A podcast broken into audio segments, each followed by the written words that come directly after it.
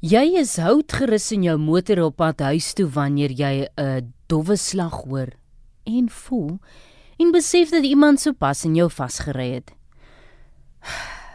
Bufferstampe is 'n algemene verskynsel op Suid-Afrikaanse paaie, veral in die reenseisoen. En die AA sê dit is belangrik om te weet wat om in so 'n geval te doen. Dit word dalk nie as 'n ernstige insident beskou nie, maar indien jy in 'n ligte botsing betrokke is, behoort jy stil te hou, jou noodligte aan te skakel en seker te maak dat niemand seer gekry het nie. Indien daar wel 'n besering is, moet die relevante mediese reddingsspanne onmiddellik gekontak word. Dit is ook noodsaaklik dat die beseerde party nie beweeg word nie. Dit is die boodskap vanaf die AA. Indien niemand seer gekry het nie en die skade aan die voertuie klein is, behoort die bestuurders van die pad af te trek sodat die verkeer weer kan vloei en as 'n voertuig nie geskuif kan word nie, moet 'n insleepdiens ontbied word om die voertuig te verwyder. Maak dan ook seker dat jou motor volledig geassesseer word en indien moontlik, neem foto's van die skade aan al die voertuie wat by die botsing betrokke was. Nou kyk, daar is verskeie besonderhede wat in die geval van 'n ligte botsing aangeteken moet word, dinge soos die straatname, landmerke, kruisings en verkeersligte.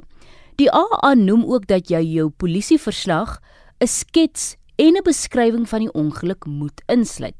So hier is dan nou al die inligting wat jy van die ander party nodig het. Die volle name, hier is nou doopname, nie noemname nie, voorletters en van. Hulle ID-nommer, motorregistrasienommer, adres, selfoonnommer en of enige ander telefoonkontak besonderhede, werk en huis.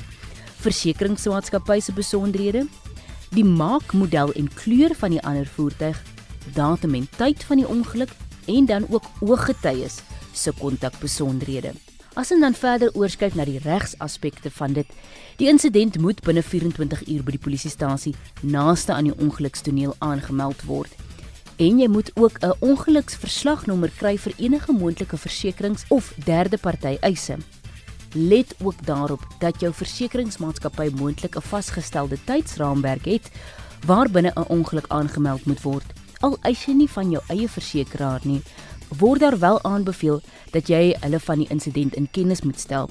En as jou eis teen die derde party versekeraar verwerp word, het jy steeds toegang tot jou eie versekeraar. Nou ja, maak nie saak hoe gering 'n bufferstampie is nie, daar is maar sekere belangrike besonderhede waarop jy moet let.